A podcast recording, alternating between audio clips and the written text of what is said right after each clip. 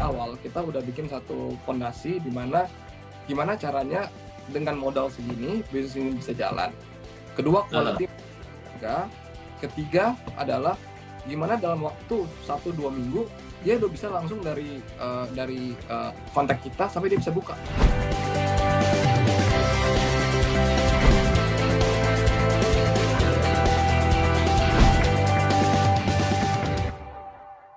Bill, kita ke strategi sekarang. Banyak yang nanya kalau gitu. Saya mau, saya punya semua yang Billy ngomong kata kata kata orang ini ceritanya ya, kata orang itu. Semangat apa? Ya oke fokus udah gitu kan. Modal ya dari pelan-pelan udah semua gitu kan. Iya. Tapi strateginya apa sih kok Billy itu bisa 900 itu loh Bill. Orang-orang nanya strateginya gimana? Apa yang ada di benaknya Billy yang secara structure gitu ya, framework ini dulu baru ke sini baru ke sini. Apa tuh yang di benak Billy? Oh, sebelum pertanyaan itu saya mau nanya ini dari tadi. Waktu Billy bangun pertama kali janji jiwa, udah kepikiran pengen bikin seribu dalam sekian tahun atau gimana waktu itu? Oke, okay.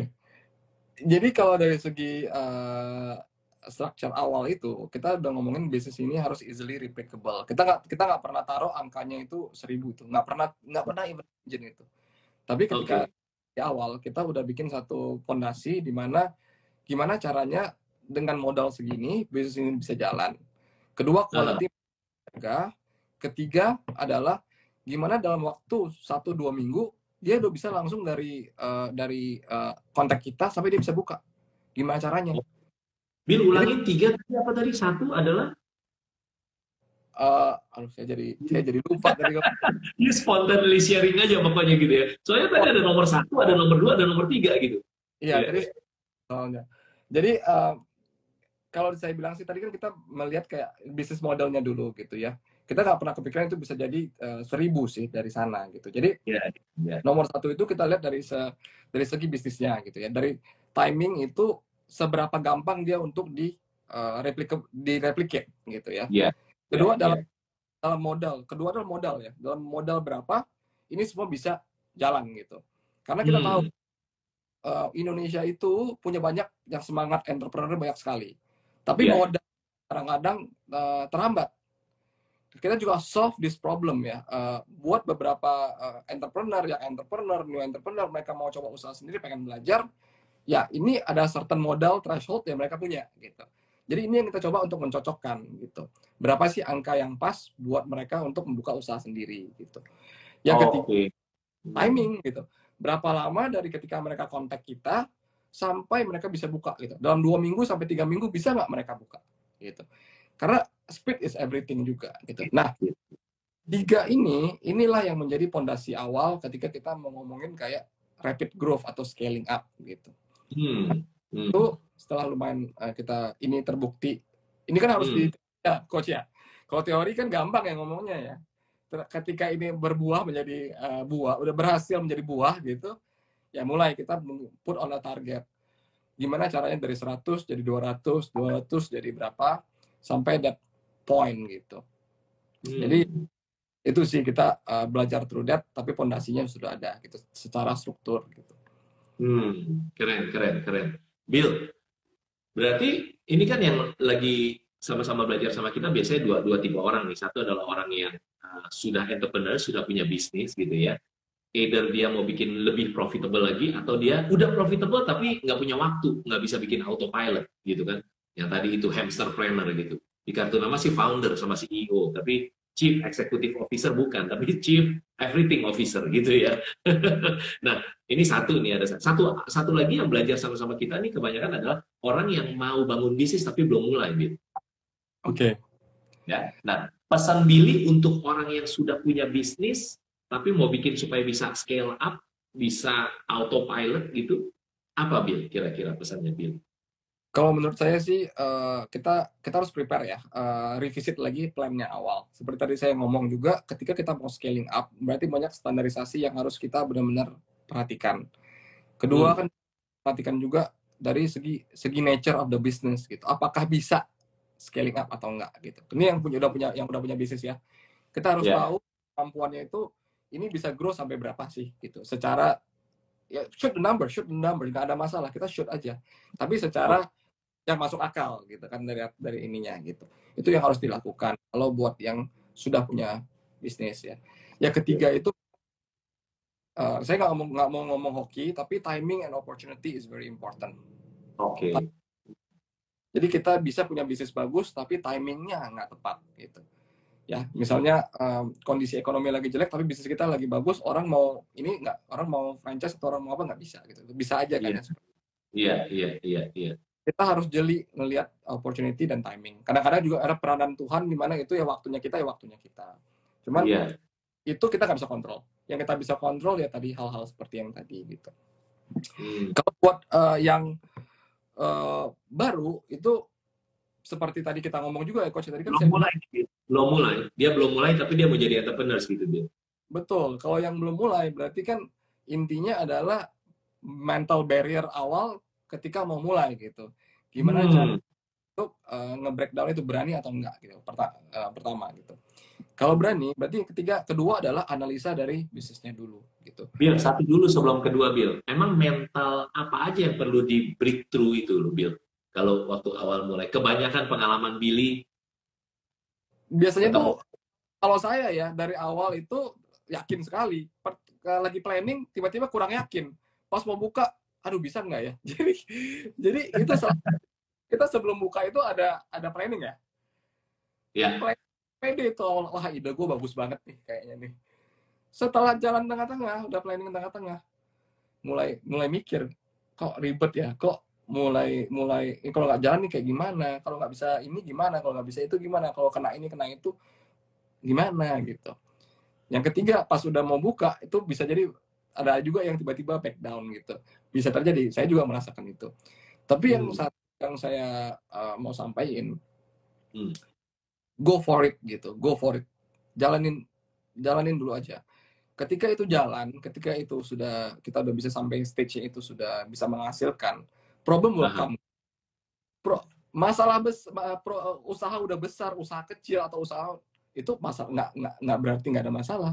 Jadi kita punya perusahaan kecil sama punya perusahaan yang super besar itu masalah juga tiap kali datang. Is the same.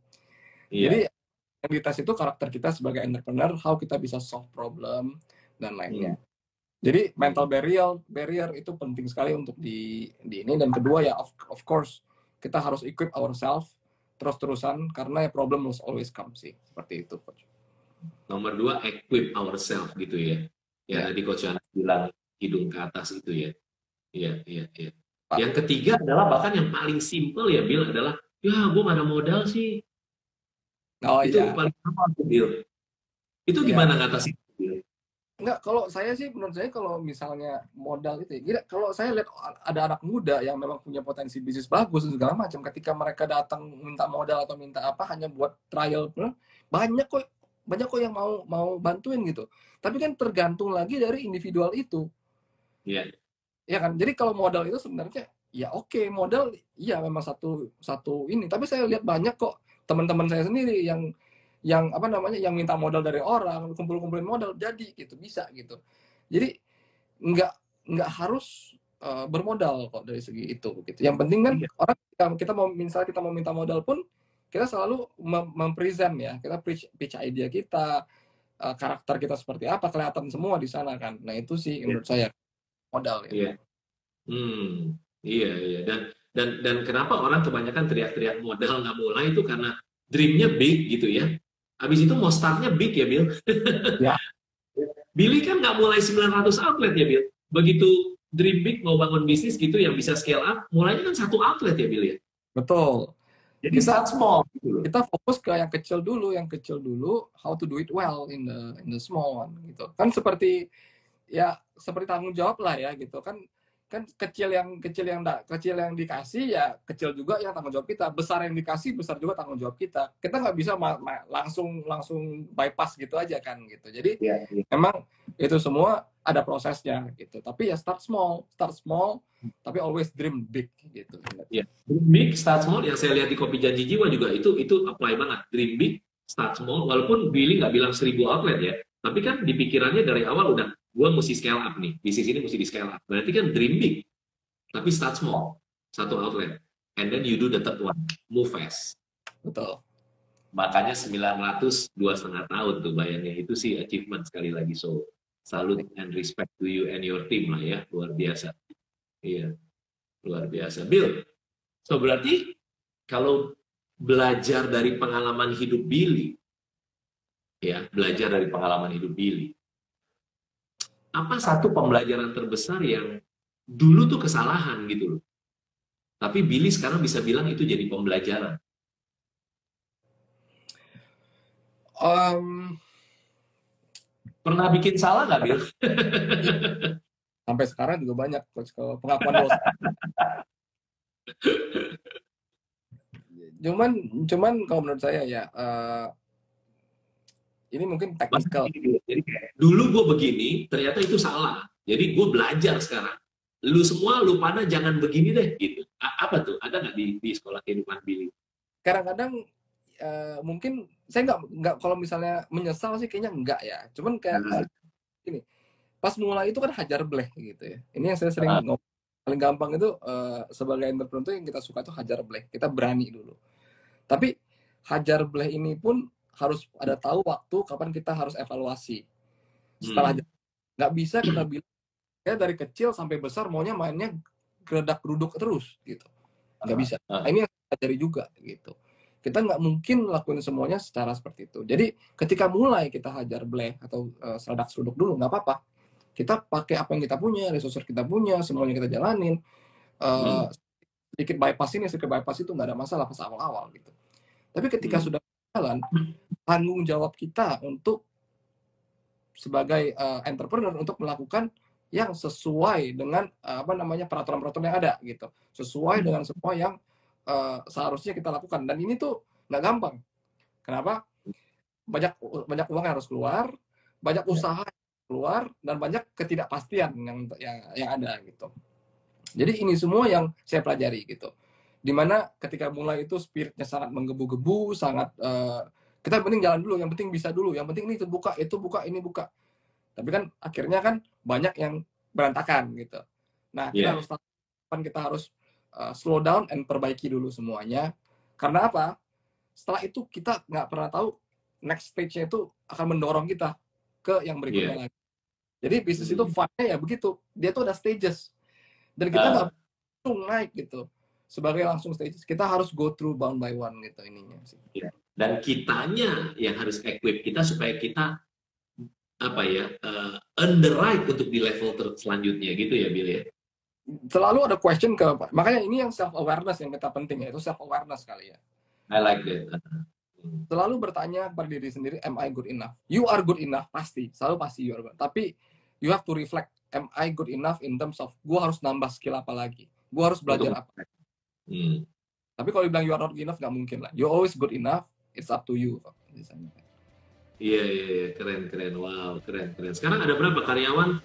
3000 lebih ya saya saya baca dan sebagainya ya Bill ya kalau total apa sih mungkin emang perlu jadi juga ada segitu cuman kalau dari perusahaan kita nggak sebanyak itu perusahaan kita ada sekitar 600an loh Iya, iya. Jadi 3000 sama semua operasional lah di franchise dan sebagainya gitu ya. Ya, luar biasa.